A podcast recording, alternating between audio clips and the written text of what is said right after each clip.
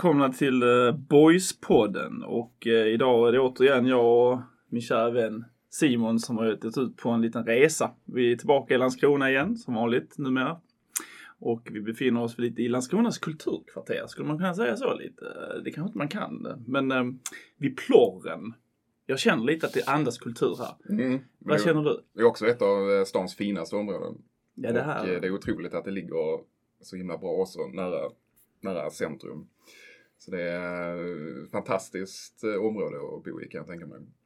Ja, och eh, idag är ju vår gäst givetvis boende här också, annars hade det varit dumt att vara här.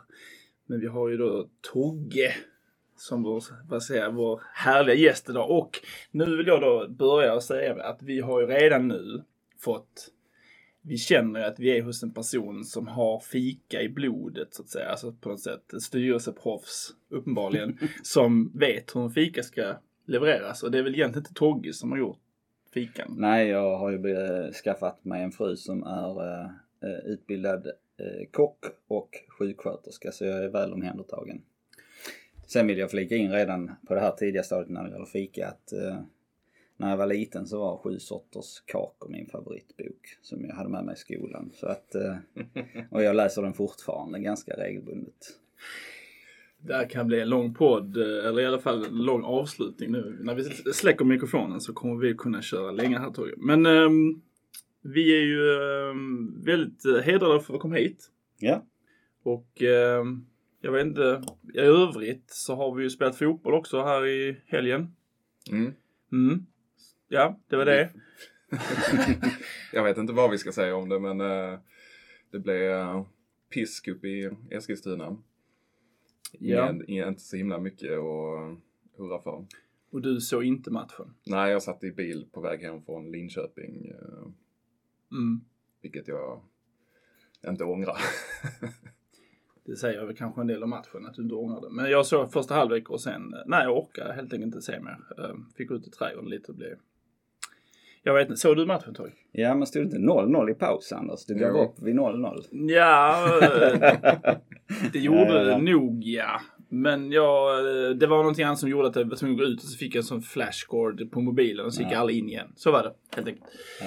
Vi släpper det just nu. Eh, men det hade ju förra avsnittet av podden var det ju också lite gnällpodden kan man väl säga. Vi var väldigt negativa. Mm. Eh, med all rätt. Mm.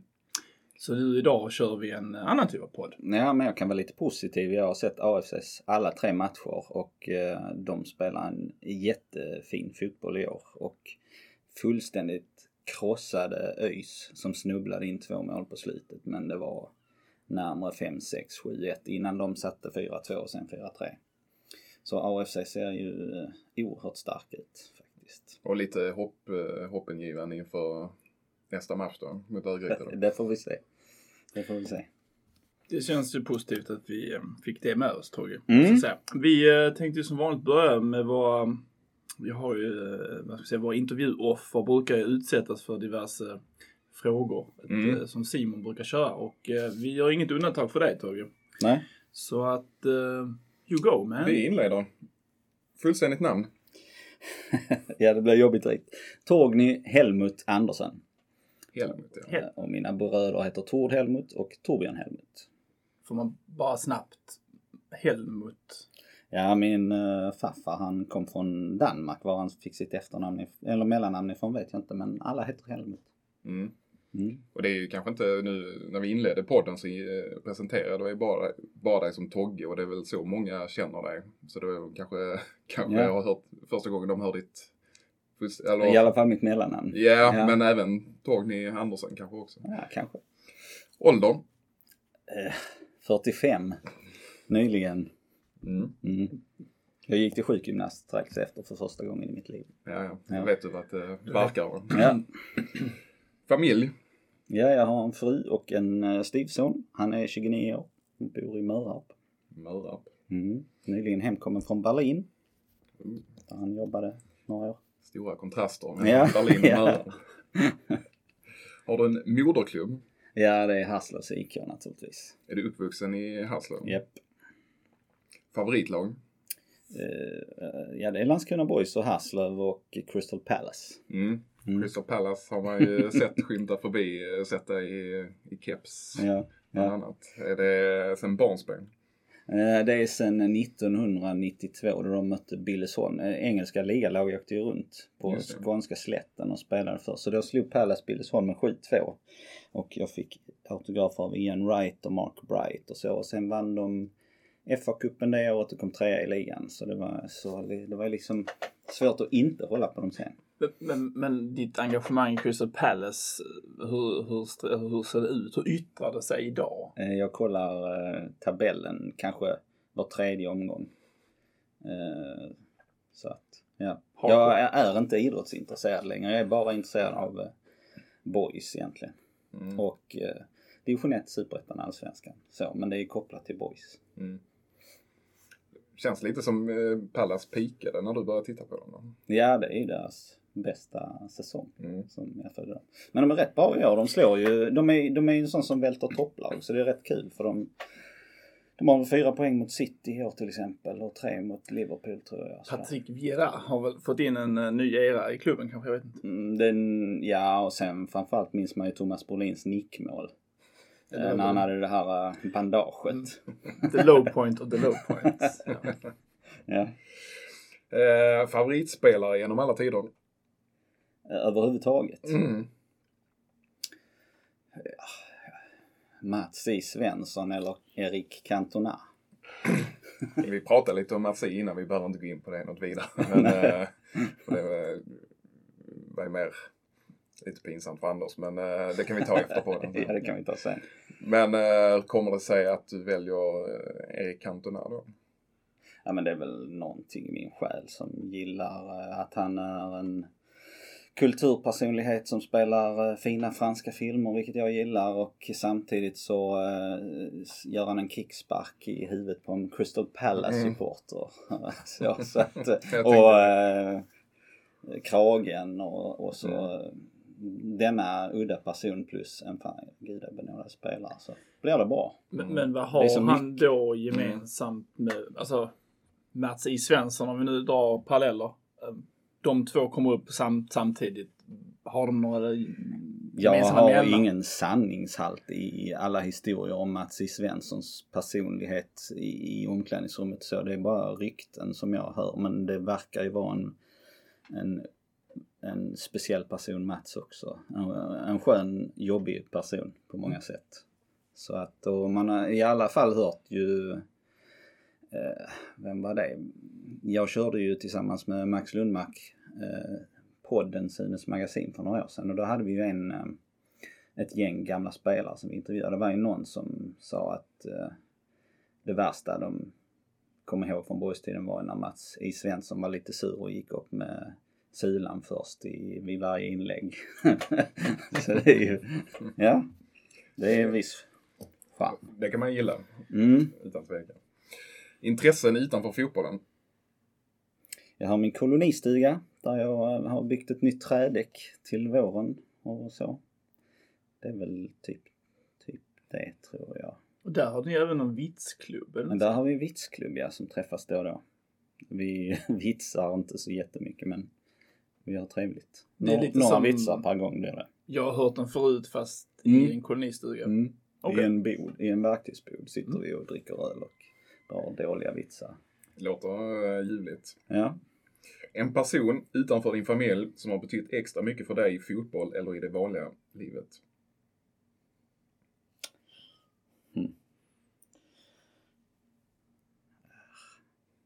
I fotboll så, så kan jag väl ta två. Den ena är ju Pude, Patrik Johansson. Han har betytt eh, en kort bild av eh, Eh, kraven att vara en duktig fotbollsspelare. Vi, vi hade ingen tränare i juniorlaget till Andorra.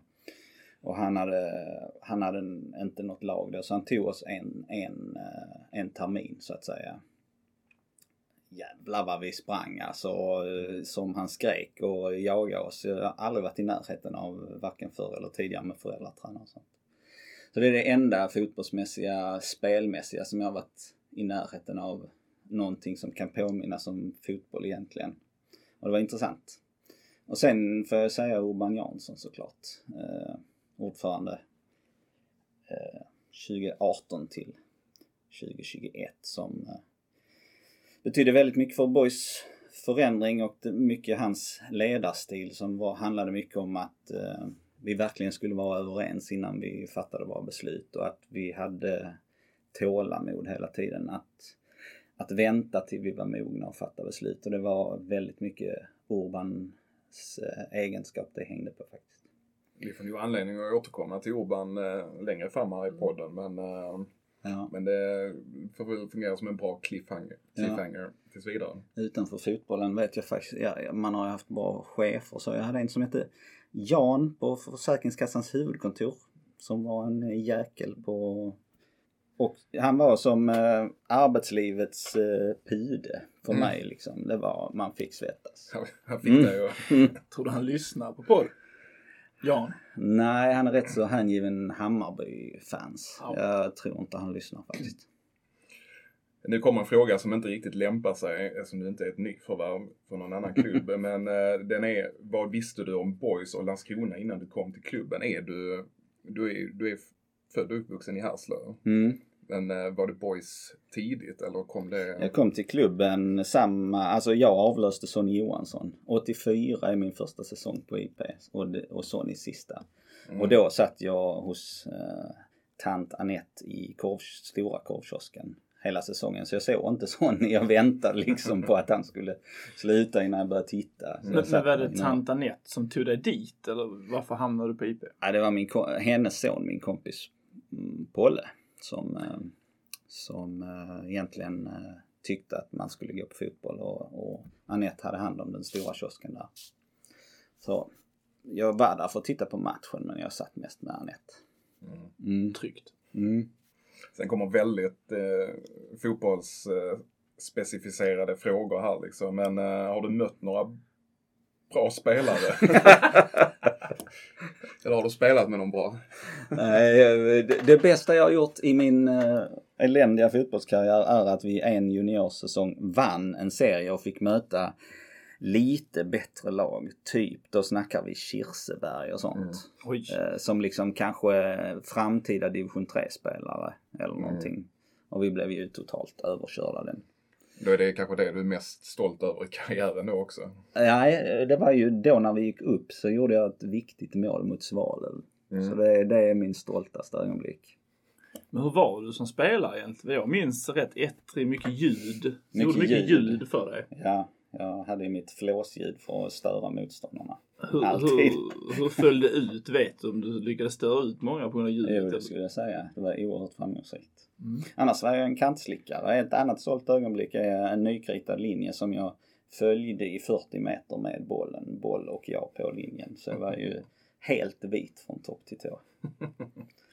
Då passar ju lindansarlaget Boys dig alldeles Ja, utmärkt. ja, precis. Om man nu släpper det. Eh, sämsta stunden på fotbollsplanen då? Har du någon sån?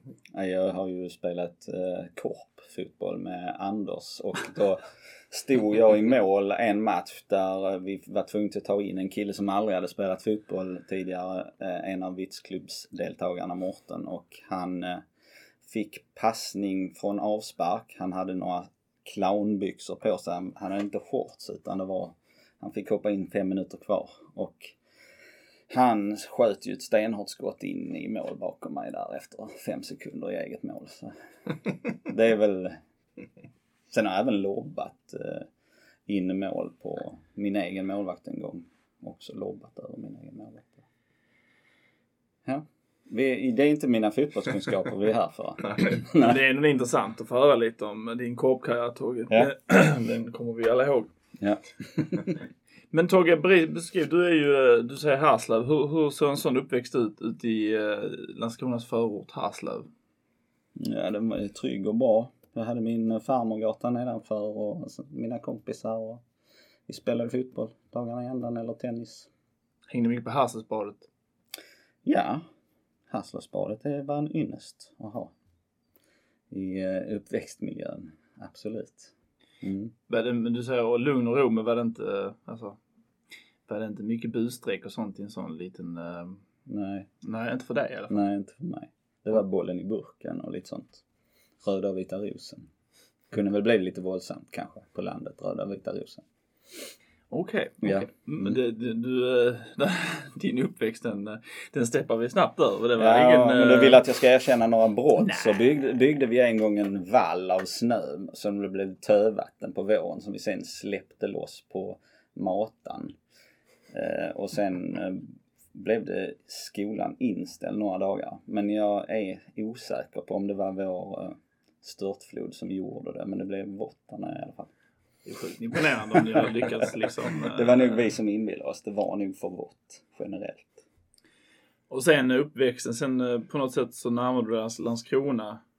Eh, Din fotbollskarriär släpper vi nu. Den har Mm. varit eh, vag. Mm. Mm. Men Blandora är ju min andra klubb då. så Det kanske vi nämnde. det nämnde vi ja. Ja. Mm. Eh, och sen skaffade du, du kommer ju in på Västervång, eller inte Västervång, du är ju sån, eh, vad heter det, GA-skolan va? Grejaskolan ja. Ja. Och sen vidare till den stora, Världen. mäktiga Gullstandsskolan. Precis. Och därifrån, vad händer sen eh, i ditt liv? Eh, ja, där går jag ju i samma klass som Marcus Ritz. Mm. Så där får man ju eh, uppleva också hur hårt en elitspelare kan skjuta. eh, Faktiskt. En viss skillnad. Ehm, sen pluggar jag till statsvetare och sen har jag jobbat sedan dess på Försäkringskassa och Region Skåne. Det är ju mäktiga arbetsgivare måste Mm. man ju ändå Ja, det är tillägga. Och stora arbetsgivare. Samma klass som Marcus Ritz. Då snackar vi också under karriären. 94 va? Spelade han i Ja, Allsvenskan och då... hans eh, allsvenska tid. Mm. Det är nog någonting man kan. Han var ändå kvar en del, eh, jag är ju lite yngre här, men jag vill minnas att han spelade fortfarande när jag eh, började gå på Boys. Några år efter allsvenska sessionen där, 94. 96 är han väl kvar i alla fall. Mm. 97 kanske också, det vet inte. Där Mm. någonstans. Mm. Sen blev det väl Helsingborg Södra. Just det. Och De var ju uppe rätt högt i division 2 eller någonting. Mm. Det stämmer nog. Och sen hur... Alltså, du vet, alla vet ju om att du har nu varit eh, styrelseledamot. Men hur, hur närmar du dig? Alltså, berätta lite om hur man närmar sig en klubb på, på ett snyggt sätt. ja. ja, nej men jag, eh, min lillebrors fel är det ju lite grann för han, han var en rastlös själ och inte fotbollsintresserad men han hittade Black and White eh, och eh, var väldigt engagerad som tifo-ansvarig där och så. Och då behövde de, eh, och så började jag resa på bortaresor med honom och, eh, och sådär. Och så be- behövde de styrelseledamot. Så 2002 inför allsvenskan så gick jag med i styrelsen i Black and White helt enkelt. Och vad var din roll då? Eh, kassör. Ja, Ja.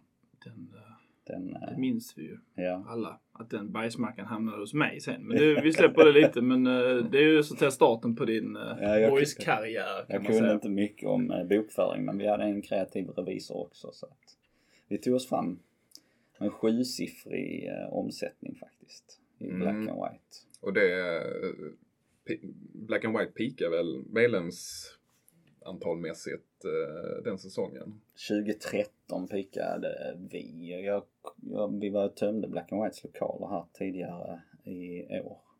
Jag tror att jag hade en helt skev bild. Jag tror att jag hade målat upp siffrorna alldeles för rätt. Men jag hittade 1700 medlemmar. 2003. Mm. Eh, Jag hade, mitt minne sa 3000, det var lite väl mycket. Men Men det- 1700 är inte dåligt. Nej, det är verkligen inte dåligt. Nej. Det är inte många, många andra klubbar som kan stoltsera med det liksom. Nej, då, då räknades vi av Aftonbladet i någon ranking som femma, sexa i Sverige som supporterklubb när det gällde bortafölje. Mm. Vi hade ju 15 bussar till Malmö en gång. Mm. Det var ett helsike att rodda. Men har du alltid gillat det här admin eller vad man ska säga? Sån här du ser rodda och kassör. Det är ju inga glamorösa alltså, sådana ord när man kommer upp. Det är liksom inte frontar inte så mycket utan det är mer en eh, bakgrundsfigur lite. Men, eller är det... Jag tror, jag tror man blir som man heter. Så jag heter Helmut. Torgny Helmut. Det låter inte som en kille som står på barrikaderna och är flashig. Det låter som en byråkrat eller Men har du alltid gillat det? Ja, Alltså- ja, ja. ja. Det byråkratiska, lite ordning och reda eller vad? Absolut. Förutom då redovisning i black and white. Det är väl allt annat än ordning och reda. Men, men, men annars, den strukturen. Ja, absolut. Det som var ordning och reda i, som kassör i Black and White var ju att vi, eh, att jag inte godkände någonting som gick back.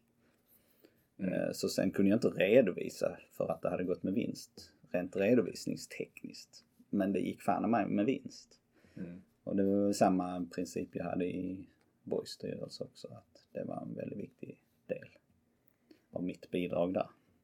Ja, ja men nu, nu, nu får vi inte gå för snabbt här fram. Men sen slutar du i Black and White, lämnar över det till någon annan stackare. Ja, jag är ju, jag är ju med, med i styrelsen 22, 3, 4, 5. Så sen när de åker ur så får Så du fick ta jag det. det. Ja, precis. Ja.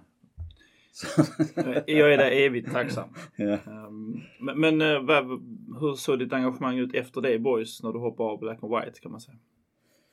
Ehm, Försvann det? Där hade jag ju några I Black and White hade jag ju också, var jag också eh, redaktör för Halvtid, eh, ett sånt fanzine. Mm. Och där gjorde jag ju vissa eh, i, i ungdomens eh, glädjerus, vissa väldigt vassa artiklar och så eh, mot, mot eh, föreningen. Så där blev jag kallad på kvartssamtal och sånt av Lasse Persson. Det var fina grejer. Men vad var det som inte föll i god jord? Ja, men jag gjorde sådana teckningar med eh, som he- hette då eh, Lasse och Kenneth är på shoppingtur eh, och så var det då brassehjulet så gjorde ett pariserhjul med Odeir Hellman och de andra brassarna där som åkte i och så gjorde jag ju berg och dalbanan där det gick rätt rejält utför med Mm. några nyförvärv och sådär. Vad sa de? Att eh, det är bra om vi har en dialog. innan, innan du kastar skit. Det var ju bra sagt faktiskt av dem. Men det, för det, var- den, var, den var ju kopplad till klubben och inte till Black and White. Halv. Den var kopplad till... Nej, den var... Nej, halvtid var en black and white. Ja, det vill jag minnas. Men, Tidning. men, de, Men vi skrev ju om boys liksom. mm, men de kunde ändå... Ja, men de läste ju den med intresse. Men det låter som satir ändå. Man borde kunna... ja, men det var ju inte... Det var ju inte ett jätteallvarligt möte. Det var mer att eh, de Mm. tyckte att vi kan... Vi, de hade, var väl lite pressade också. I det just när det kom. Så att, ja. Men vad var... eh, Vi alla vet ju lite hur det gick för Black and White. Det gick lite som med, med klubben liksom. Lite stadigt utför. Mm. Var det... det att Boys åkte ur Allsvenskan som eh, gjorde att det började gå ut för Black and White? Eller fanns det annat? Nej, alltså var, det, på- var det Anders fel eller? Ja, det var Anders fel. Eh, På lång sikt så är det såklart att Black and White hade haft svårt med tanke på så många dåliga år som vi har haft liksom. Mm. Men på kort sikt så klantade ju vi till det i Black and White styrelse med att vi tyckte eh, din generation var lite jobbig. eh, Mm. Som, som körde med liksom falangen, ja men det är ju en fascistisk eh, eh, ursprung med, till det ordet liksom. Mm. Och sådär. Vi var ju väldigt eh, folkliga. Så Mm. det blev ju en brytpunkt där mellan de unga och de gamla där vi, vi körde black and white youth och sådär men det var ju de unga blev lite inbjudna med armbågen Mm. eh, i, efter, i efterhand kan man väl säga det. Så att där tappar man ju en generation som ville vara själv Mm. kan man säga. Och så ställ, gick det och ställde sig på kortsidan. Ja. Sen kanske det hade här blivit så ändå, det vet man inte men det var ju absolut inte fullt välkomnande. Eh, Vi som var äldre skulle kunnat tagit det bättre kanske då. Så Mm. då hade nog Black and White levt längre. Mm. Eller levt väl längre. Mm. Tror du det skulle kunna uppstå en ny Black and White eller är den tiden lite förbi? Ja men nu är det ju så lösa nätverk snarare man jobbar med. Så det är, det är svårt.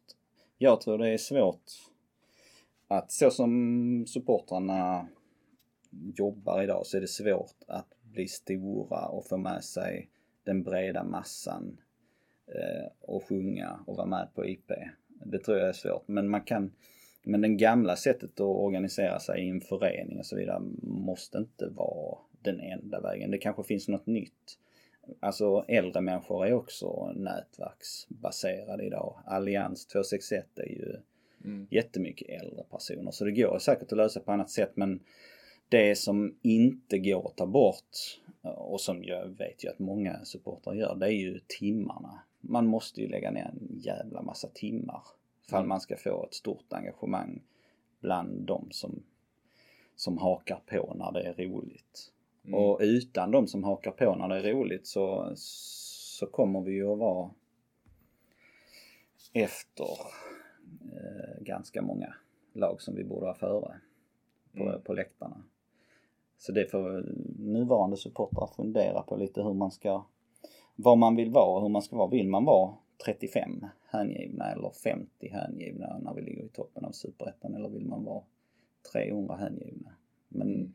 Vill man vara 300 hängivna så måste Asta 82 sjunga med på sitt och Peter 54 sjunga med på stå. Liksom. Mm. Och känna sig välkomna Och känna sig välkomna ja. För Landskrona är för litet för att ha en, en, eh, ha en snäv supporterklack eller skara så.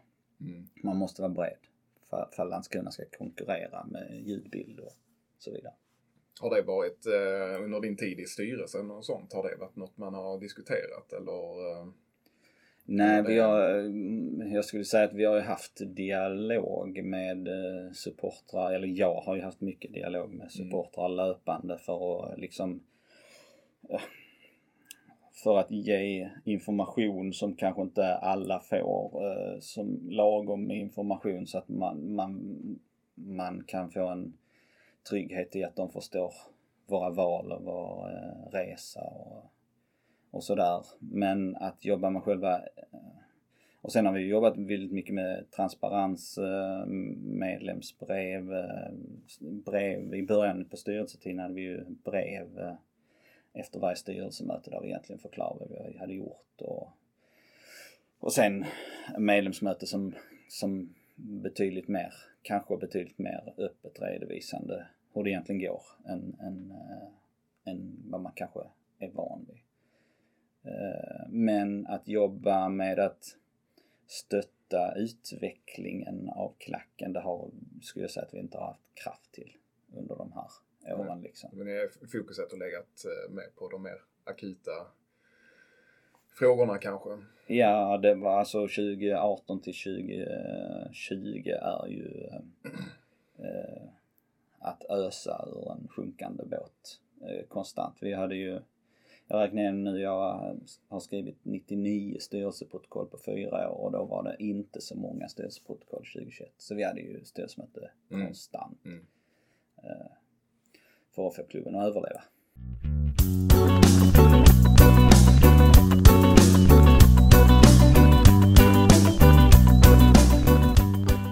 Och nu trippar vi snabbt framåt, eller snabbt och snabbt, men vi kommer in lite på, eh, vad ska man säga, vintern 2017 va? Mm. Eh, Då började det närma sig någon form av, eh, inte härdsmälta, men det, det kanske är ett stort ord att ta till. Men beskriv lite hur det, vad var det som gjorde att, vad ska man säga, att du sen kom in igen i Boys där omkring slutet av 2017?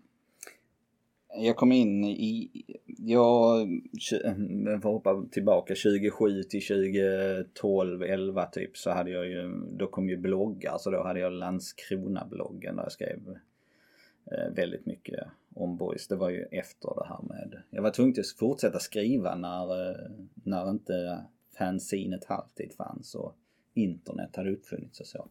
Så jag, jag bloggade en massa och då fångade Max Lundmark upp mig när han blev engagerad i klubben och så blev jag en del av mediagruppen där med David Jönsson och Bernt Lundqvist och Mattias Åkesson och så. Så vi gjorde ju, ja, jag gjorde texter och podd och så vidare där för Boys i några år. Var det där Sunes magasin kom igång? Eller Där, jag och David körde ju matchprogrammet Sunes magasin i tre år tror jag. Och så körde vi ju podden Sunes magasin också. Jag fick för mig att det var ganska uppskattat, Sunes magasin i alla fall. Fick inte det någon sån lite uppmärksamhet att det var en av de häftigare, eh, vad ska man säga, Matchprogrammen. eller häftiga men Det finns, bra inte så många, det finns inte så många ordentliga matchprogram. Det som var det fina med det, med det framförallt det första och andra året var ju Davids långa reportage, historiska reportagetexter som är ju, det är han ju grym på. Så han, han är ju helt fant fantastisk kille. Han är, den, min bästa story är när han berättar eh, om när han ringer upp, eh, vad heter han nu igen? Ste, Di Stefano i eh, IFK Hässleholm. Eh, för att han gör en artikel om eh, inte om Magnus Arvidssons världens snabbaste hattrick på eh, Landskrona IP utan han gör en artikel om att Di Stefano gör tre assist till hattricket. Det är klart David hittar den. Eh, och Di Stefano liksom, ja ah, men de har frågat Magnus tusen gånger, de har aldrig frågat mig. Hur fan kan du komma på detta? Ja, det är ju fantastiskt. Ja. Så, eh, ja det är grymt. Finns den att läsa på boyshistoria.se eller den eh, kan man inte den finns inte Det kvar. vet jag inte. Det vet jag inte faktiskt. Kan jag utmana David till att lägga ut den där om man har kvar den? Det tycker jag David. Shoutout. Mm. Mm. Ja. Fortsätt Ja. gärna. Fortsätt gärna. Jag var bara jag. Uh, Svensk ja. magasin. ja, just ja. Sunes magasin. Nej men det var väl det helt enkelt. Vi, eh, vi blev uppskattade av Bayern har ju ett fint matchmagasin, supportrarnas matchmagasin som de skrev väldigt berömmande om oss. Så det var roligt och vi fick lite, eh, det var en kille i Finland som bestäm, beställde alla matchprogram. Men han hade å andra sidan också 50 000 matchprogram eller någonting. Ehm, och ja. Ja men matchprogram tycker jag är roligt. Det hade jag gärna gjort mer men det är otroligt eh, jobbigt att göra på två pers för att det är väldigt mycket, det är väldigt kort tid. Man måste nästan ha skrivit, man, man måste göra som David och ha liksom icke-aktuella, tidsaktuella reportage. Man måste, om man ska göra det så på hobby, man måste ha skrivit fram det innan och sen så får man hålla på med all statistik och, och sånt där. Då finns det ingen mellan veckorna. Jag vet inte om det är en, ibland är det ju några lappar. Såna Ja, A4 det ja precis som man väcker Mm. eh, en sida liksom vikt. Eh, Det finns ju. Jag kommer inte ihåg om där står så mycket mer än trupperna och domaren och eh, matchtavlan kanske. ja, jag tror inte där är några artiklar i dem längre. Nej, nej det är det inte. Nej. Men, Nej, ja, det är tråkigt kanske. Jag vet inte. Det kanske är en sak som har dött ut av en anledning. Jag vet inte. Det gick ju, alltså det som var ju, det var ju dåliga ekonomiska tider det, då också. Så det som styrelsen då sa till oss det är att ni ska ju gå plus minus noll i alla fall. Så ni får ju räkna på det här. Och, och Stefan Lindqvist gjorde någon artikel med oss och sa liksom, men en, pa, en ny papperstidning oavsett form och format. Ni kommer ju, går då gå plus minus noll. Men vi gick eh, plus 30 000 första året minns jag. Mm. Sen gick vi väl break-even de andra två Mm. kanske. Det, man ser också, den flög, alltså det är ju så, det är ju nördarna som köper den så den flög inte riktigt. Det blir, blir ju mellan 80 och 200 sålda ex så det är lite för Mm. lite. Eh, Nu var det division 1, man vet inte med superettan. Nej. Ja. Nej men så, så där var jag med och, i mediagruppen och det var väl, ehm, ja. Eh, sen har det varit egentligen en, om man ska gå in på varför det blev aktuellt med styrelse och den här stora förändringen så har det väl varit generellt eh, eh förtroendegap som har växt mellan eh, engagerade boysare och, och styrelse i, i, många, i många år egentligen. Där jag och Fredrik Lind bland annat och även eh, ni med flera har varit engagerade i eh, konstgräsdebatten om man ska säga det. Vi hade det här eh,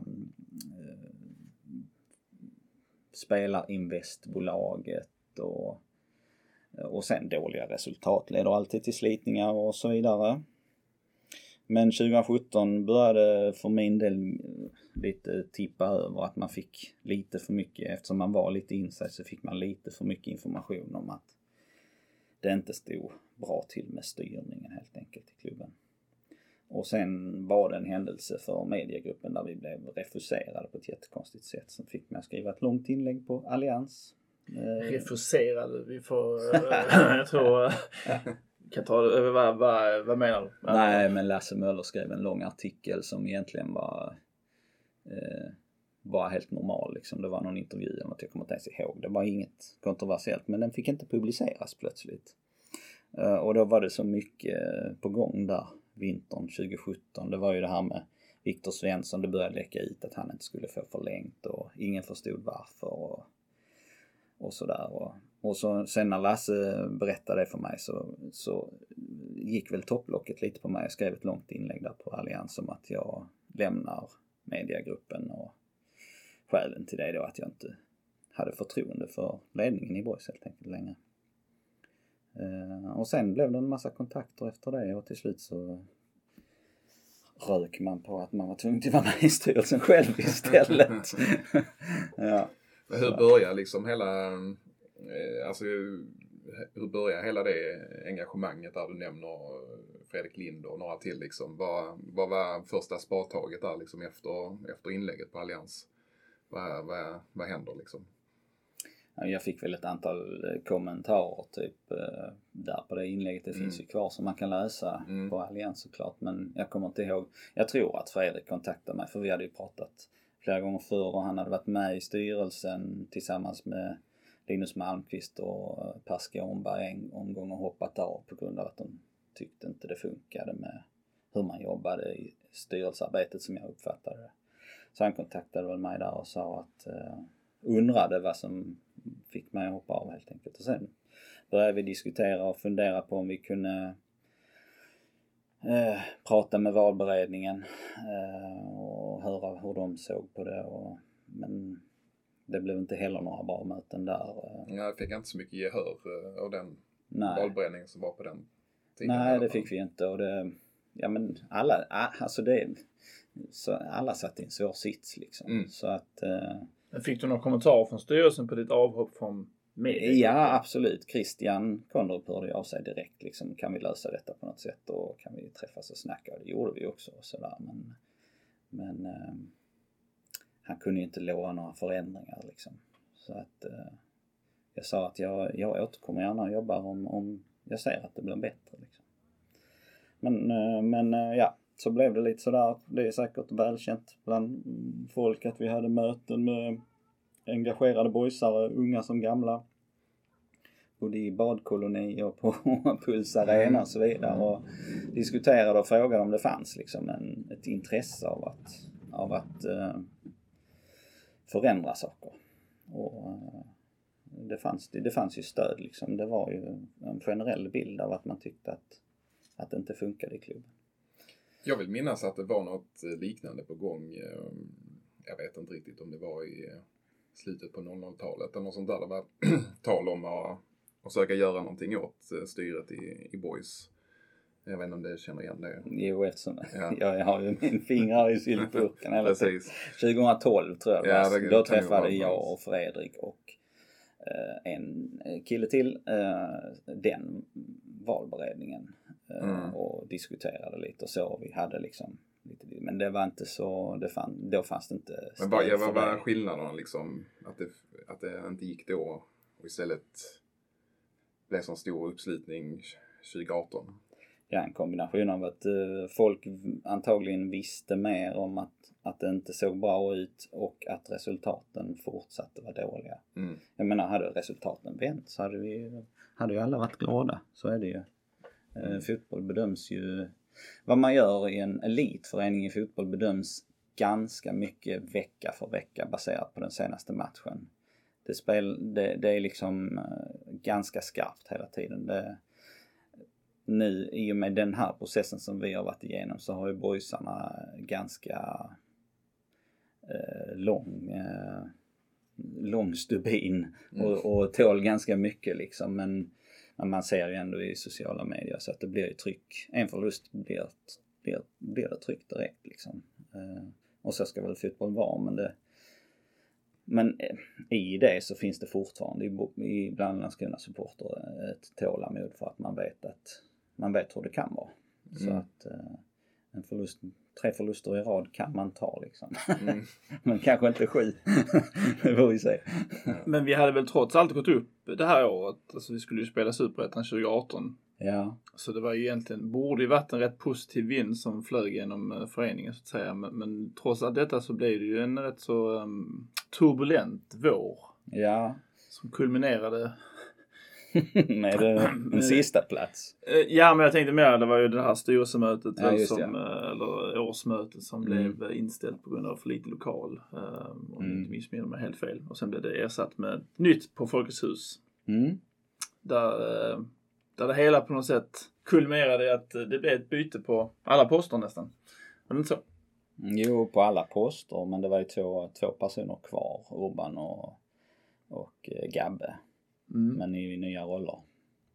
Så att, eh, ja. Och hur var det att ta över där, så att säga? Ta över, låter som, som regeringsskifte, men, men Ja. alltså. Det var det ju nästan, kan man väl säga. Ja, det får man säga. Det, det var ju inte roligt. Eh, Hade jag vetat, hade jag haft full inblick, eh, dels så kände man ju att man lurade in vissa i en roll som de, som de inte alls, stackars Stålis och T- Torines visste ju inte, hade ju inte den bakgrunden som vi andra hade, men eh, Gabbe och Urban kanske också kunde varit lite tydligare mot mig. Om förutsättningarna. Men kände du dig lite för bakom ljuset? Nej, det gjorde jag inte. Men jag kände så här att eh, om jag hade vetat fullt ut hur det såg ut i klubben så eh, låt den dö. Jag tar inte det på mina axlar. Men nu satt jag där i skiten. Jag bara tänker så första styrelsemötet därefter, så att säga när ni Ja, samlades. så snabbt kommer man inte på Nej det. men vad menar, vad, hur, jaha? Ja, vad, är liksom, vad, vad vad är första spadtaget? Vilken sten lyfter man på först? Och, Första spadtaget är ju Gabbe, hjälp oss. Mm. Hur tusan gör vi? För det är ju eh, verkligen en rutinerad räv på alla sätt Mm. liksom. Eh, och det gjorde han verkligen ett hästjobb de två åren han var med. Så att ehm, dels att fixa nya sponsorer och rent sådär, eh, bara jobba in dem och få andra sponsorer att steppa upp och, och dels att bidra liksom med sitt lugn också, precis som Urban och vi löser det här. Men alltså eh, det första liksom, ja men vi har inte värvat klart tycker Agim. Eh, Budgeten är spräckt med 10% redan liksom och eh, 20 sponsorer enligt, ja det blev väl 8 till slut som hoppade av kanske. Mm.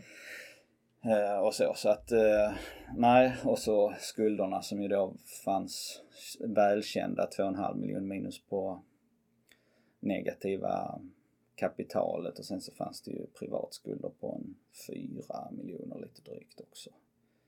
Och ja, nej, det var bara att kavla upp. Men det var de, eh, vilka, men vilka realiteter var det som du inte var eh, helt medveten om när du hoppade på? Nej, jag förstod ju inte Likabs omfattning, hur, hur konstig den affären var och hur mycket skuld där fanns i kopplat till Likab och hur, vilken, Mm. eh, det, det var, det var Likab är alltså aktiebolaget som skapades kring eh, kring kansliet kansliet, och- ja. Det var ju som en, eh, en snara som man hade knutit åt sig själv får man säga. mm. Eh, och sen fanns det ju eh, annat mankemang med väldigt, väldigt långa och dyra avtal på, på spelare och kanslipersonal och sånt som var jättekonstiga. Som vi, så 2018 handlar ju väldigt mycket om att bara ren, rensa, rensa, rensa i avtal och, och försöka få in eh, likvida medel så vi klarar oss Mm. eh, ly- få till en förfakturering så vi klarar ja, pengarna var slut i augusti. Så vi klarar september, oktober, november, december på, på att låna från nästa år. Det var ju ett välkänt problem att, att Boys förfakturerade men kanske inte omfattningen heller. Mm. Eh, hur tidigt pengarna var slut på ett år liksom. Hur nära var det att Boys försvann som eh, klubb?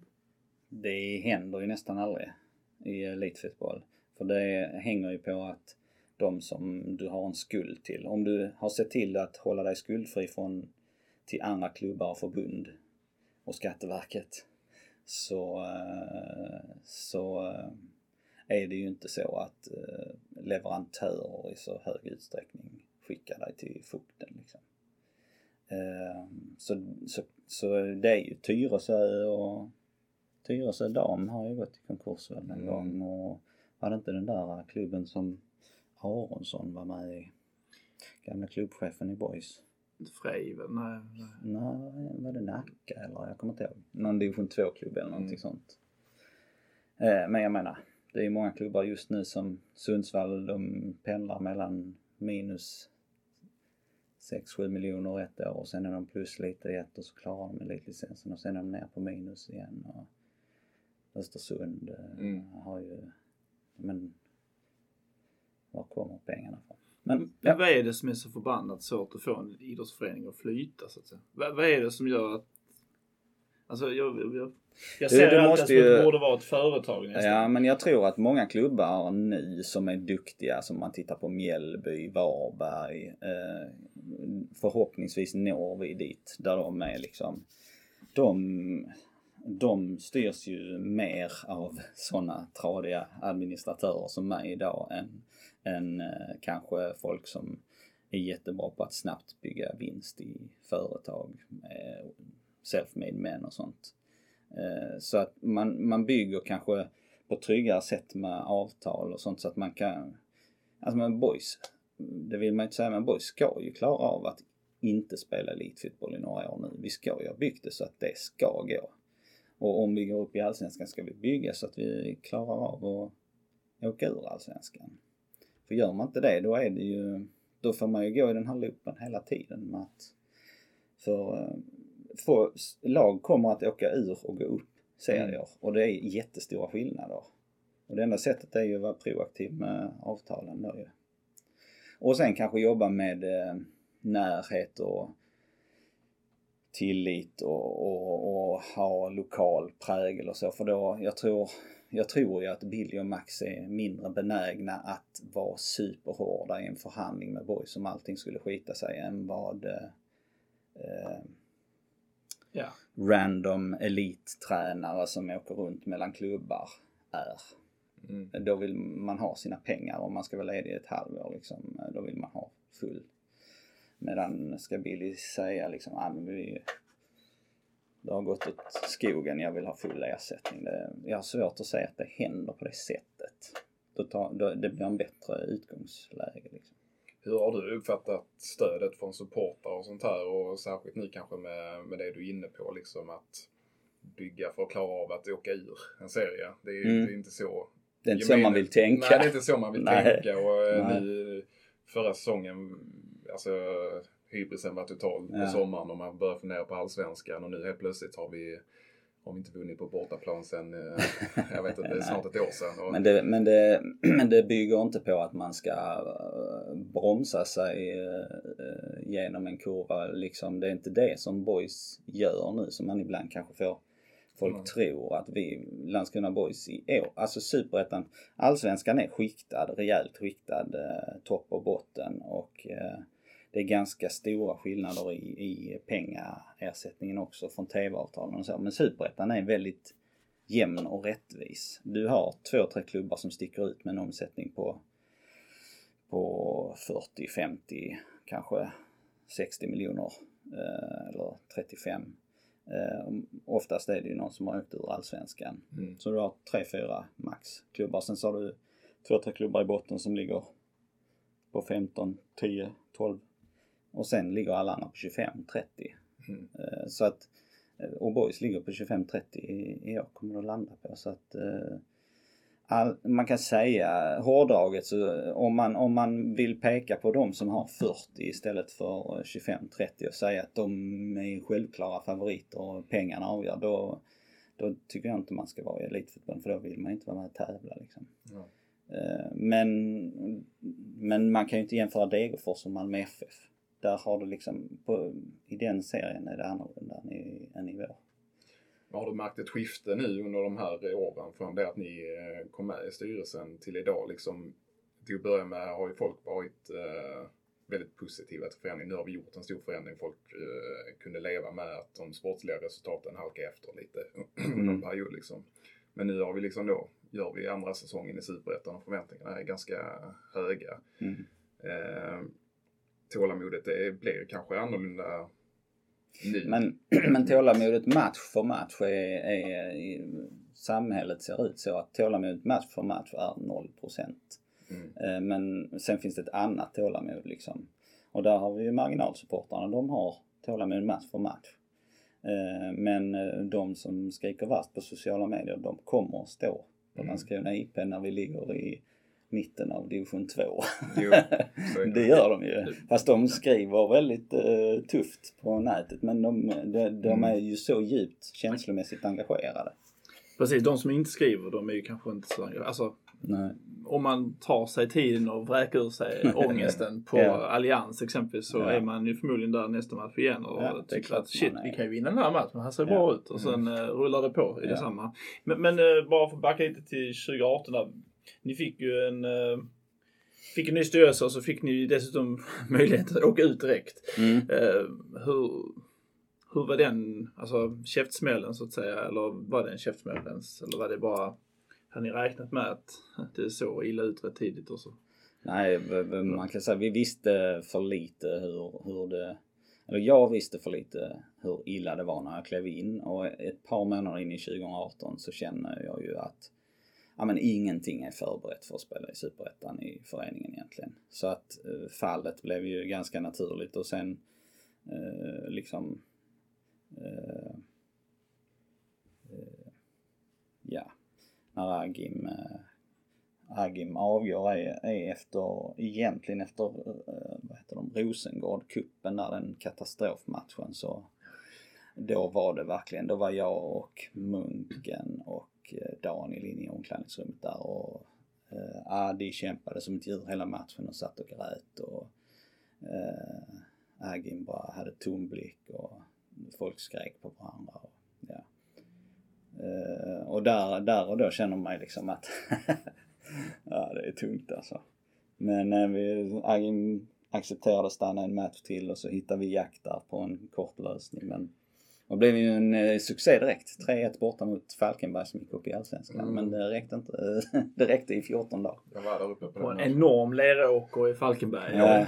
Men ehm, Ja. det kommer vi ihåg. Men Jack var ju, jag körde ju intervjuer i restaurangen de åren. Eh, Jack var ju den skönaste snubben alltså. eh, Han, alla andra liksom, man, jag försökte ställa roliga frågor och de, eh, Stefan Rehn hakade på kommer jag ihåg, han var rätt rolig och så men Jack han bara snodde micken varenda gång och körde stand-up liksom.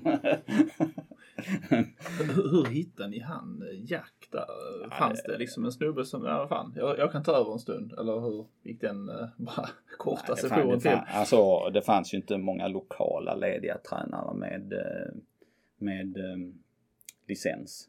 Så det fanns ju en två, tre stycken som vi intervjuade. Var han aktuell på något som helst plan att fortsätta 2019? Ja men om man säger, jag skrev upp på ett papper här lite grann, sådana nyckelhändelser som jag är kopplad till. Mm. Eh, I, för att det här pusslet skulle redas ut så finns det ett antal nyckelhändelser. Och ehm, jag har vissa som bränner för mig och andra ledamöter har andra som bränner för dem och, och kanslipersonal och så. Och för mig är det första det där att jag skriver det där inlägget som det tar hus i helsike med. Det andra punkten som är väldigt avgörande det är ju egentligen när vi i styrelsen har bestämt oss för att Jack Majgard Jensen är ju en jävligt trevlig kille och jag och Daniel pratade med spelargruppen och ja men de var som med på att ja men vi kan köra på Jack liksom, det är bra så. Och så säger då Jonas Torines på ett möte, ja vi har bestämt att vi kör på Jack, så säger han eh, för några år sedan så, han är ju djurgårdare egentligen, Torines. För några år sedan så eh, var Djurgården i vår situation och då eh, bestämde de sig, vi ska tillbaka till Djurgårdsrötterna. Vi ska göra allting med djurgårdare som brinner för detta och vill jobba med detta. Och så tittar vi bara på varandra och så, ja men då ska vi ha Billy. Mm. ja men vi har bestämt oss för Jack. Ja men du hörde vad Jonas sa. Ja, vi, ja okej, vi ska ha Billy. och sen så blev det också, eh, sen blev det ju som alla vet att eh, det blev inte bara Billy. Vi kontaktade, vi Mm. kontaktade Max Mölder också. Och, jag kommer inte ihåg om det var någon till. Men till slut föll valet på Billy och, och han var ju så klok att han sa ja men jag vill ha Max på min sida. Så. Mm. Eh, och var väldigt prestigelös i det ju Billy för han visste ju, tror jag, att vi hade, att vi stod i valet och kvalet mellan honom och Max. Mm. Och sen har de ju kört väldigt mycket delad ledarskap. Den, jag, den skillnaden jag, jag kan se är väl egentligen att ja, men de har ju olika ansvarsområden på träningsplanen och Men sen är det mycket medialt liksom som Billy har tagit stöten. Men när jag är på kansliet och så, så tycker jag de sitter ju tillsammans. Så de är, är de är ett team. Mm. Så. Men hur var din roll? Du, du var med i styrelsen som alltså uttalad roll. Var, var det kassör? Sekreterare, Sekreterare, jag Lennart Jag är tänkte också kassör. kassör, ja. Nej, det, Jag var lite orolig men det, det fattar jag givetvis. Givetvis är du inte kassör. nej, då ska Men, vi inte eh, granska sekreterare. alla plusår. Men, men hur såg en, eh, nu, man kan inte säga en arbetsvecka, du var ju inte anställd så, men hur såg en klassisk, så att säga där i början, eh, hur, hur, det är, vissa, jobbade det är faktiskt boys, liksom? man stöter på ibland att vissa tror att man har Mm. ersättning eller att till och med är anställd som styrelseledamot. Men det man får göra som styrelseledamot är att man får två årskort till sitt förfogande. Och sen så eh, i mitt fall så fick jag ju köpa fika väldigt mycket. Det märker vi nu att det finns Eh, potential. så att eh, ja. Men- nej, men- så det är ingen större att, ekonomi i det. Men nej, och det är ju inte, alltså vi hade ju sjukt många möten och det var ju tre timmars, fyra timmars möten och sånt liksom. Men annars var det ju också en hel del hands-on. Jag fick ju jobba med media och kommunikation tillsammans med Max Lundmark i början och David och så. Jag fick ju haka på min gamla uppgift helt enkelt fast lite mer formellt. Eh, och, ja. Du får gärna och återgå till dina punkter där. Du hade ju var ju väldigt bra körande här nu. Du hade ju fem punkter. Ja det var 2018 och Billy och Mm. Max kommer på. Sen den nästa punkt är ju då 2018 är, är ju att rensa mycket dyra kontrakt och, och sådär. eh, Och lösa det. Alltså dyra kontrakt som i spelarkontrakt eller även eh, runt omkring kontrakt. Spe, spelarkontrakt. Vi hade ju en sportchef på den tiden eh, i Peter Svärd ju.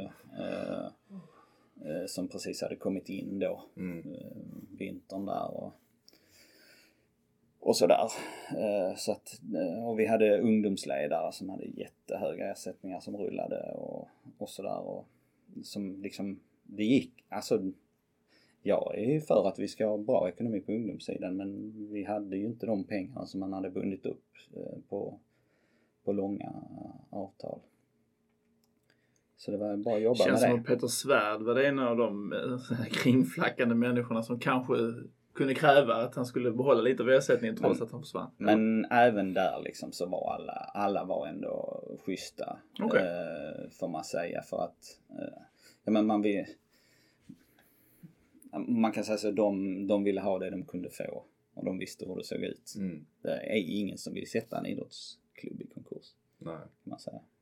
Men 2019 så sitter jag ju i eh, Lunds tingsrätt eh, med Likab, jag och Lennart i förberedande förhandling. För då vill Likab ha betalt. För vi skiter helt enkelt i att betala till Likab under en lång tid där. För att det finns inte pengar och vi tycker om dealen är helt barock. Eh, och vi har den, vi har den förhandlingen där. Eh, inledande förhandling och domaren frågar ja, Jaha, motsvarande part, finns det några pengar i Landskrona Boys att och hämta? Nej, det finns det inte. Domaren säger, vad sitter vi här för då? kan vi avsluta? ja, nej men så det var ju som det var. Eh, men, eh, men den nyckelhändelsen där är väl egentligen att, eh, att vi har en styrelseledamot, Göran Gren, som verkligen vill lösa det här på ett bra sätt, jobbar häcken av sig för att hitta lösningar med i Likab och lyckas liksom hitta en deal som är bra för alla. Men han lyckas inte hitta tillräckligt med pengar helt enkelt för att andra finansiärer som kan ta över, eh, som kan låna pengar till Boys för att köpa tillbaka aktierna i Likab. Och då är för mig då en nyckelhändelse att, att Göran säger nu har jag kämpat som en galning. Jag kommer hit men inte längre. Eh, jag behöver ett besked liksom eh, till de nuvarande ägarna ganska omgående men, men jag kommer inte längre så jag stoppar här så vet ni det. Och då går jag hem och ringer till min vän Fredrik Lind, vapendragare och säger nu är det kört Fredrik, nu, kom, nu har vi nått vägs ände. Och då säger han nej, det ska vi fan lösa. Så jag och Fredrik tillsammans, mest Fredrik, men vi får fram eh, 600 000 där på kvällen. Och Mm. då kan vi genomföra affären med Likab helt enkelt. Mm. Ja, det Ja. känner vi till. Ja, det känner du till Anders. Eh, så att eh, det är ju 2019 som Men där brann det i knutarna. Det är ju dagar där som det handlar om. Mm. För att rädda det. Absolut.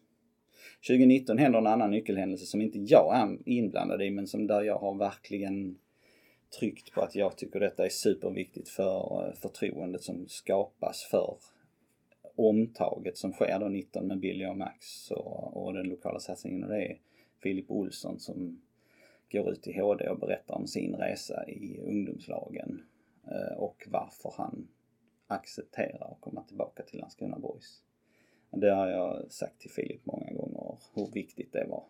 Mm. Eh, Det är kanske inte alla som minns den artikeln men den hade en jäkla impact när den kom alltså. Mm. På hur folk såg på eh, det som, för vi hade ju åkt ut en serie precis. Och han kommer tillbaka och berättar rakt ut precis det alla trodde var sanningen. Som också var hans sanning. Mm. Så att eh, Kan du göra vad, exakt vad skrev eller vad, vad var andemeningen i artikeln? Ja, att eh, akademin var eh, eh, väldigt dysfunktionell och att han hade blivit utkastad på grund av att han var för duktig. Kan man väl säga. Kortfattat. Mm. Men att han trodde på för- förändringen eh, nu och att han var boysare. Mm. Mm. Vilket han ju sen har visat på många sätt under, framförallt på plan. Mm. Mm. Var, det, var det din punktlista? Så? Nej, det var ju det var fyra punkter. Ja, jag Den femte punkten, men då får vi hoppa fram lite Ja, ja, i men, tiden. eh, Ja, vi kan ta, några ja, ja tiden går. Vi kan ta, eh, det var 2019 egentligen, det är lika med det stora och Fille Mm. Olssons artikel och sen tar ju Billy och Max oss till kval. Vilket ju också är viktigt och där har ju supportrarna också, där ska man väl också nämna supportrarnas insats på Visma Arena, heter den det? Mm, den heter det nu i alla fall. Men då var det Myrush, var det inte Myrush då? jo, det var Ja, den är ju. skitsamma, den här jävla, ja. Den är ju också vi- viktig in i 2020, att vi Mm. visar en sån stor enighet eh, med en sån fantastisk eh, För det var ju en tung Insats. förlust. Men Ja. det här efterspelet. Ja, det ser ändå ut som boys är eh, vinnare. Ja, precis. Ja, alltså det är ju, det är ju, det är ju mer avtackning på boysen men det är firande borta på Ja. östersidan liksom Ja. när vi åker Mm. därifrån ju. Eh, 2020. Vad får vi då? I februari 2020. Nu kom klassisk motfråga. Ja. Det är man inte riktigt van vid. Kändes som den var riktad mot dig också så Ja. att eh, får du... Ja. Ja. Vad vi får 2020? Ja. Uh, 2020, vad får vi då? Eh, I februari. februari? Får kanske någon, åh gud. Snacka om att jag satt bara kollade på kakan precis eh, och tappade helt fokus. Eh, du får upplysa mig. Vad får vi 2020? Eh, Du jobbar i Danmark. Ja, det, ja, det gör Det jag. blev ja. några problem i februari 2020. Eh, vi fick en pandemi! Ja, jo, det kommer jag ihåg. Ja, den hade du glömt. ja, ja, men jag har verkligen, alltså covid för mig det existerar inte Nej, nej, precis. Det är bara någon som ryktes. Men okej, ja det fick vi. Ja. Helt rätt, förlåt. Och då, då, då, ställer, då har vi inga publikintäkter. Noll. Och vi är fortfarande kvar i division 1. Vi har, i, vi har 100 000 i ersättning från förbundet. Som ska täcka lite, jag vet inte, fikabröd till styrelsen. Eh, och eh, vi, de har dessutom det året, vi tjänade ändå ganska bra på våra webbsändningar som jag tjatade på Mm. Jimmy på ettan fotboll. För då gick det över till att ettan organisationen själv ville ha pengarna. Så att, Mm. och det var ju bara boys som hade publik på, Mm. ma- på webbsända matcher. Det var, var lite tjafs om det där alltså. Ja, jag. jag tjafsade mest tror jag. Men vi släppte det. ja, vi, vi var tvungna till att släppa det. Det fanns avtal som inte jag kunde påverka. Ehm, nej, då får vi ta fram Randig framtid. Som ju är en sak som vi har egentligen sagt att eh, en av anledningarna till att vi inte tyckte det var bra skött innan Mm. måste vi nu eh, lansera för att överleva. Liksom. Så då är en folkaktie kan man kalla det. Fast med bättre utdelning än Telia. Ja, det, men, men det, det, det kommer ändå lite kalla kårar får vi väl till mans känna att nu är vi Ska Ja. vi skapa ett nytt spela Ja. i väst eller Ja. är det så li, lite känslan av som du säger att anledningen till att vi ville bort från det gamla helt plötsligt kändes som att kryper in en liten gammal uh, härdsmälta här. Ja. Men, ehm, Och då, då kanske det skulle varit en ring här till ett viktigt eh, möte som Simon var med på. Tycker jag. För mig var det viktigt. Att inför lanseringen här så tvingar jag ju hit Simon Hendin och några till Mm. på ett möte där jag gick igenom i detalj hur vi hade tänkt och varför vi var tvungna och hur vi motiverade det. Skulle du sen spilla en olja på vågorna sen eh, Simon? Alltså vad du Det är ju säga? min lömska plan. Det Ja, men förstod precis. ju aldrig Det de. förstod inte Nej. Nej men de gjorde ju det. De gjorde ju precis som jag tänkte. Ja. Så att Spelar när, spelet skickligt. alltså när Randy Framtid kommer, oh vad trevligt initiativ, jag köper en aktie. Så Ja. tänkte Simon. Ja, men lite så var, var det. Men vi, vi, vi, var, vi var några stycken här, här hemma. Jag berättade ju det för dig på vägen hit annars att jag hade varit här innan. Men jag hade nästan glömt bort vad anledningen var. Men, eh, Det var men. Togge eh, fräschade ut minnet, minnet på honom. Men, men hur flö, eller hur har det flygit så att säga? Randy Framtid, Mm. vi fick in 1,2 miljoner ungefär, vilket räddade oss det året kan man säga. Eh, och 20 000 är ju en andel värd och jag tror andelsägarna hittills har fått tillbaka 13 eller någonting sånt. Eh, jag tror att det kommer som, eh, där är väl två eller tre år kvar med 50% av överskottet till andelsägarna. Och Boys själv äger ju 140 andelar och privata äger 60 andelar. Mm. Så att Boys får ju typ 75% av en övergångssumma och andel, de privata andelsägarna 25, någonting sånt. Och lite har Fille Olsson varit den största payouten. Vi har ju, vi har under de här två åren om man tittar på det med hur bra är vi på marknaden och så vidare. Jag tjatar ju med Dås envishet att vi är så bra som vi kan vara typ att marknaden, man kan missköta sig absolut. Man kan vara jättedålig men man kan inte vara jättebra. Det är få som är jättebra på marknaden utan marknaden är rättvis. Du får en visst belopp från division 1-spelare, från superettan-spelare, från allsvensk spelare och, och, och vilken position och vilken ålder och så vidare. Det, det är liksom inga större större skillnader och, och i, i steg man tar i sin utveckling var man är någonstans. Liksom, har vi skrivit ett avtal med Kevin Jensen när vi ligger i botten av division 1 som löper ut om två och ett halvt år. Då spelar det ju ingen roll att vi ligger i toppen av superettan om två och ett halvt år för vi skrev det när vi låg i botten. Mm. Och sen kan vi ha jobbat med att utveckla ens avtal under tiden och misslyckats med det av olika skäl. Och så, det handlar ju om timing och, och, och hur, mycket, hur mycket möjligheter man har. Men, eh, men man kan liksom inte, man behöver ha en sund eh, lönebild, en sund kontraktsbild utifrån hela truppen också. Man kan liksom inte eh, dopa upp vissa hur, alltså det finns ju gränser för hur högt man kan lägga sig för att man tror på en framtida försäljning till exempel. Och, och sådär. Det, det är ganska, det är logiskt och rättvist, marknaden helt enkelt. Du får det du förtjänar.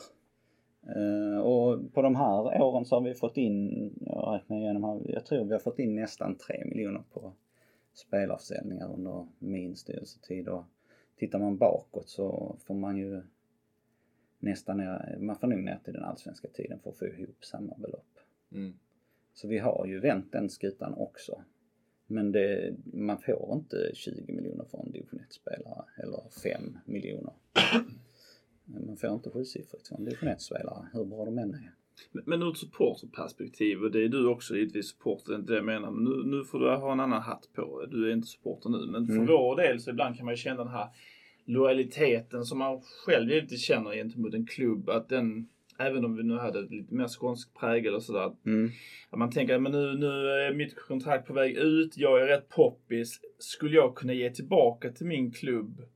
Kanske om jag, om jag skriver ett, jag skriver förlänger ett år och jag vet att jag kommer bli såld för att klubben så att säga ska få mer deg. Fin, den finns inte den känslan att spela idag. Du har ju en karriär som är jättekort jämfört med din Mm. jobbkarriär. Ja, men Hur ofta alltså- i din jobbkarriär säger du det var ju trevligt att jobba här, jag går med på en lönesänkning på 10 000. Eh, Nej, det är ju sällan, Men, men å andra sidan har du ju, det är svårt att jämföra ett jobb med, alltså fotboll är ju, alltså du har ju inte en passion för Försäkringskassan. Du har ju inte en Eh, tröja. Ja, ja. Det har du, ja men du har inte en Eh, hatt Långt efter jag har slutat. En halsduk med Försäkringskassan. Du är inte med i Försäkringskassans alliansforum som kanske inte ens finns. Ja, men, Utan det finns ju en brinnande passion för någonting. Jag menar många av de här killarna är ju både från Landskrona och sådär. Och jag menar vissa gör ju mer än andra. Vi har ju haft exempelvis Pontus Farnerud gjorde ju en del för att Boys skulle få mer pengar på sin tid. Om jag Mm. inte helt missminner mig. Men det finns ju enstaka Ja undantag. Men, jag bara menar, är den den typen av spelare, är den, är den borta så att säga? Det finns inte det. Man tänker Ja, den, har aldrig. Den har aldrig den funnits. har aldrig funnits den spelaren. Men sen ska man också säga att Landskrona Boys är ju så att vi som supportrar till Landskrona Boys, som vi tar supportratten nu. Vi har ju, vi har inte varit med i den moderna fotbollen någon gång. För att när vi åkte ur Allsvenskan 2005 typ. Om du jämför det med när vi kommer eh, upp i toppen av division 1 2020 och eh, Superettan 2021 marknaden 2005 var marknaden 2005 var mer lik marknaden 85 när Mats Magnusson gick till Benfica än vad den är lik marknaden nu. Du har ju, om du tittar ut i svenska proffs i bulgariska andra ligan som tjänar mer än vad man tjänar i allsvenskan. 2005 var det Jonas som gick till en, en, fina, en av de finaste akademierna i Holland och Alltså det var ju fortfarande, nu gör jag hartassar, riktiga proffs. Eh, medan nu, nu kan alla hitta ett bra kontrakt någonstans. Om de, om de vill ha ett äventyr så att säga så kan man, kan man få det. Mm. Om man har en aktiv agent. Så Landskrona Boys supportrar eh, har, har, har ingen referensram till den moderna spelarmarknaden skulle jag säga. Från, från Boys. Så det är någonting nytt för oss. Eh, vilket gör ju det ännu mer liksom, det är ännu större chans att kunna leva på sin fotboll. Varför ska man inte göra det?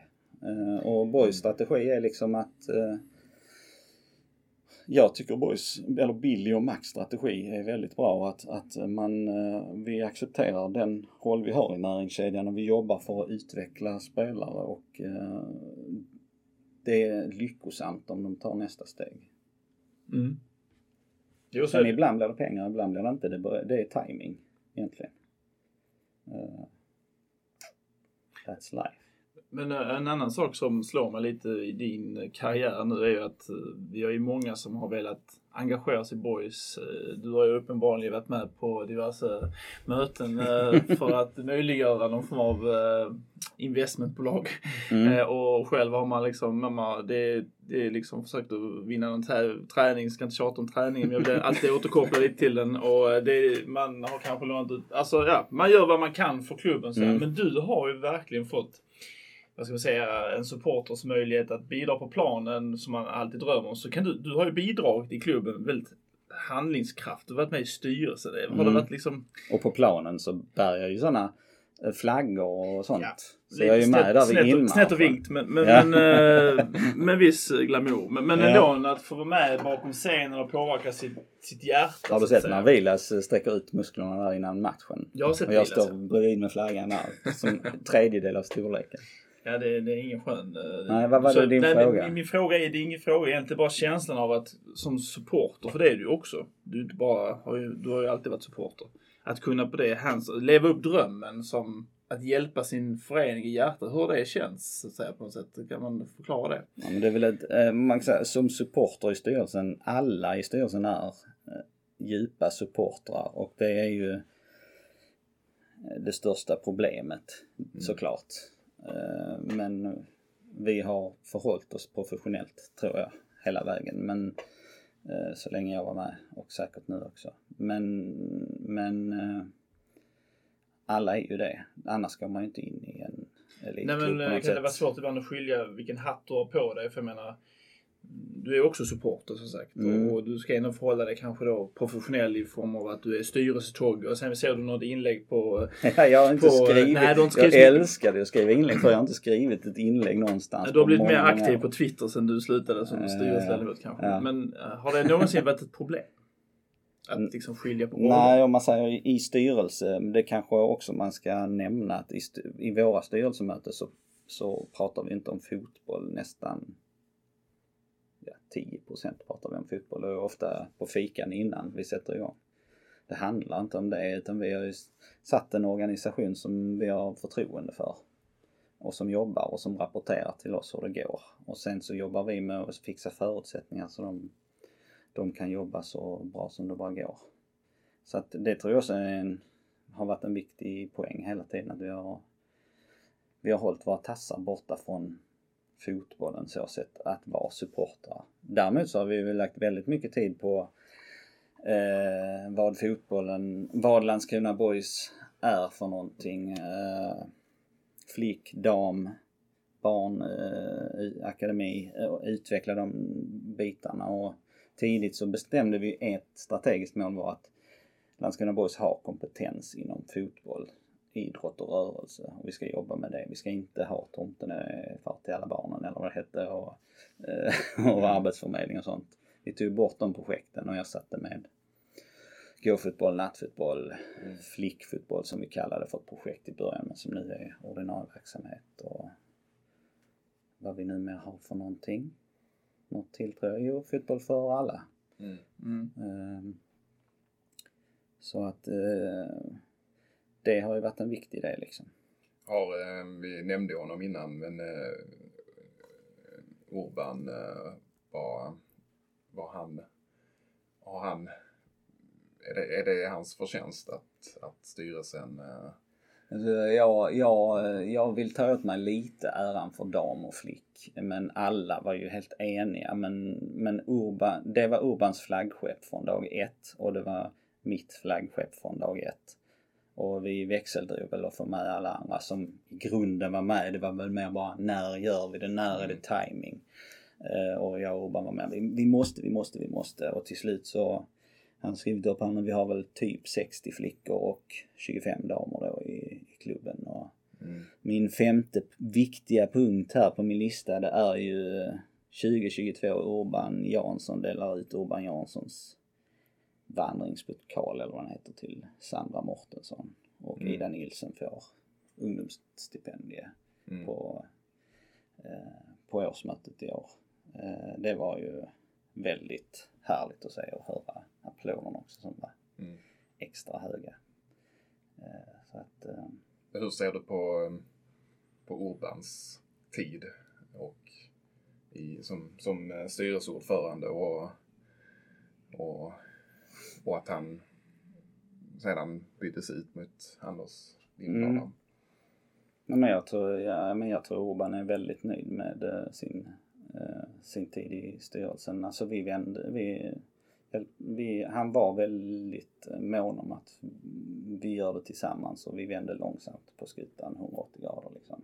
Mm. Eh, sen skulle han varit med när, det, när vi gick upp och det liksom vi kunde släppa, 2021 där liksom släppa på tyglarna, allting går vår väg liksom från start till mål. Vi har mindre möten än någonsin och pengarna rullar in i stridström och vi har koll på kostnaderna. Och, ja, det blir ju jättemycket vinst rent ekonomiskt och rent fotbollsmässigt.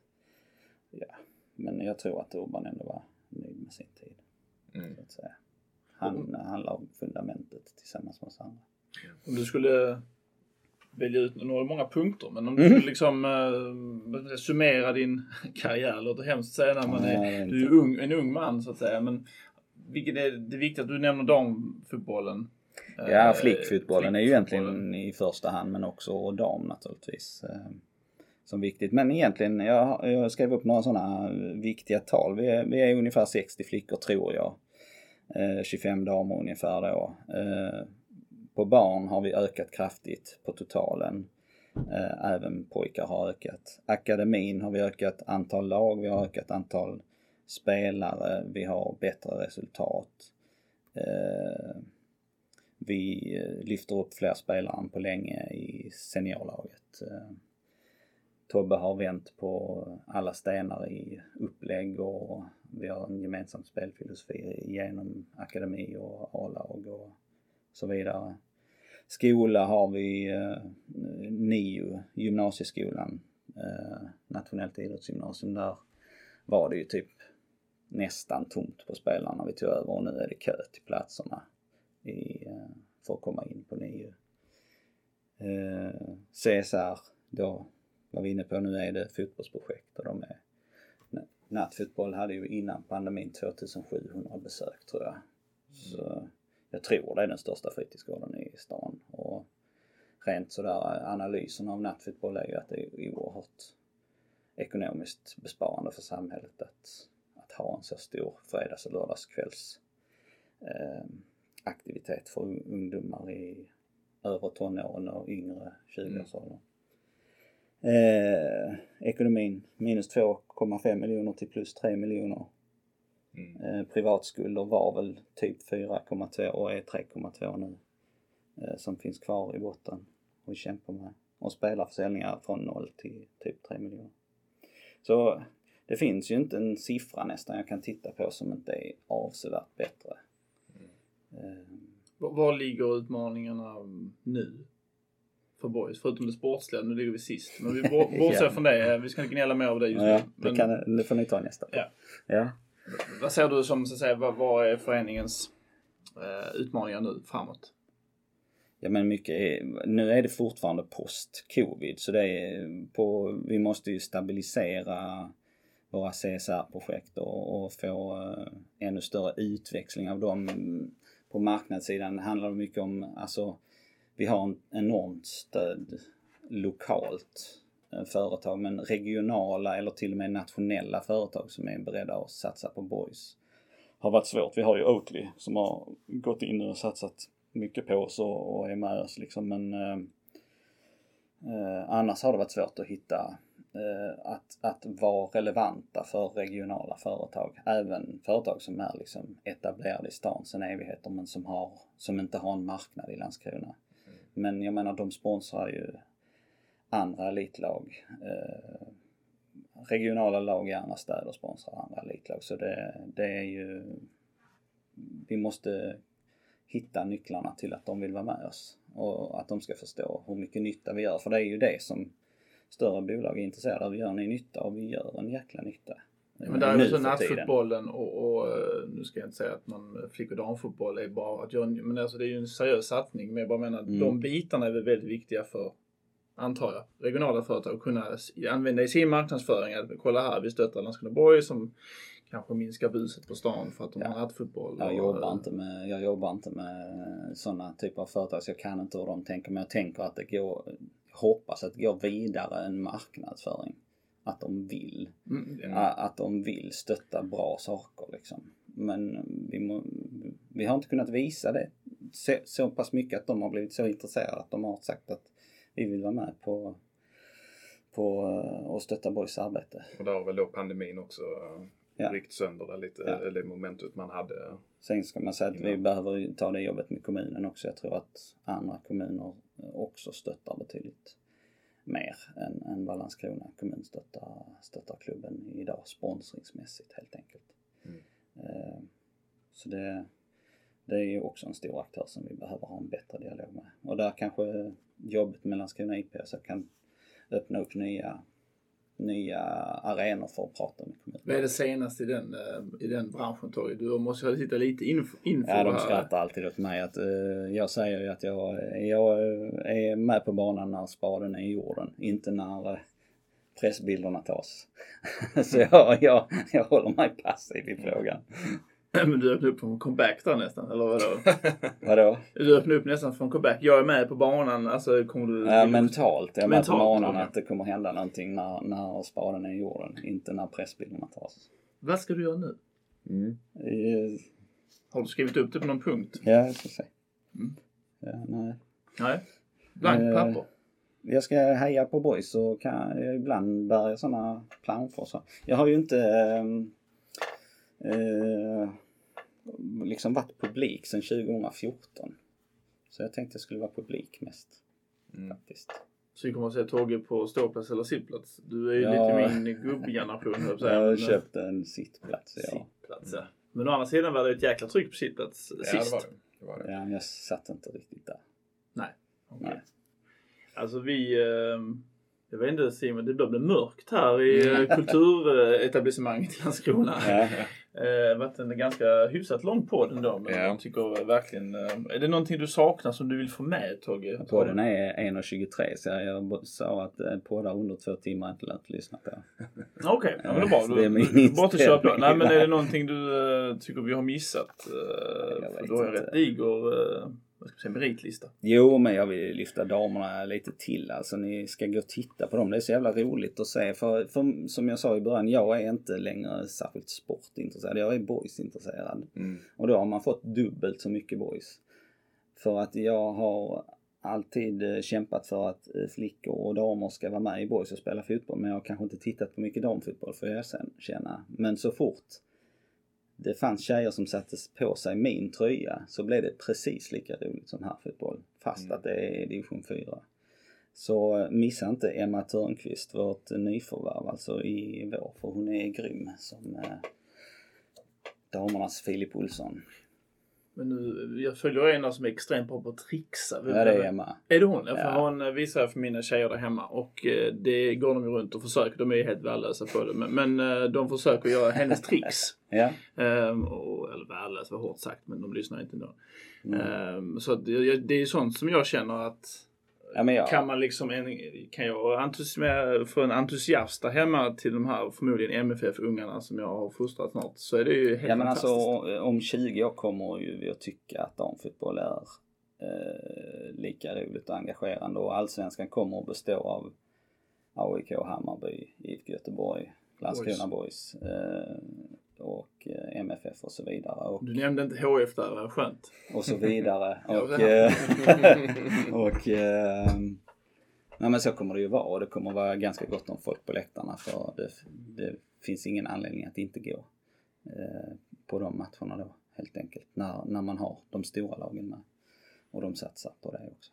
När är nästa hemmamatch? Och det, vad var det på Real Madrid, Barca? 90 000? Ja. Då får vi ett nytt IP i alla fall. Ja.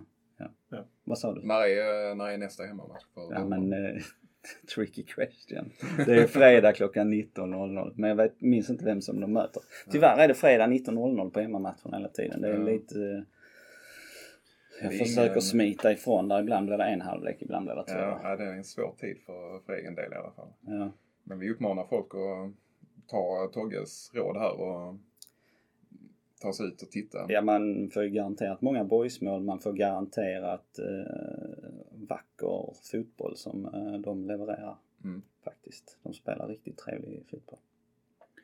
Och ett annat lag som också spelar trevlig fotboll är ju vårt A-lag herrar. Eh, inte just nu, men de kanske har på måndag. Mm.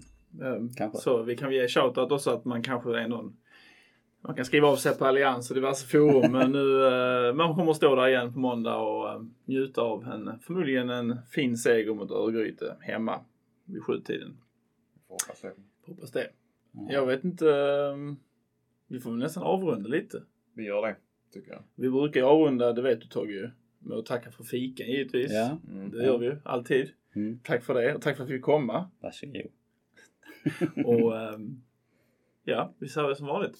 Boys! boys! Du kan lita dig tillbaka. Du kan drömma lite grann. Som om Gud var lika randig Han som sinne din sida. Dröm om röken från Olympia. Om hela skiten brann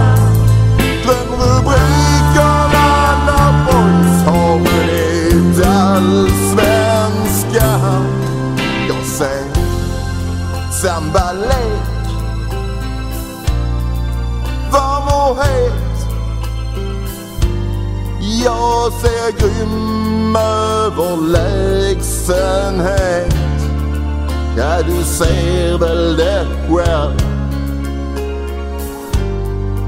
Vilket underbart lag.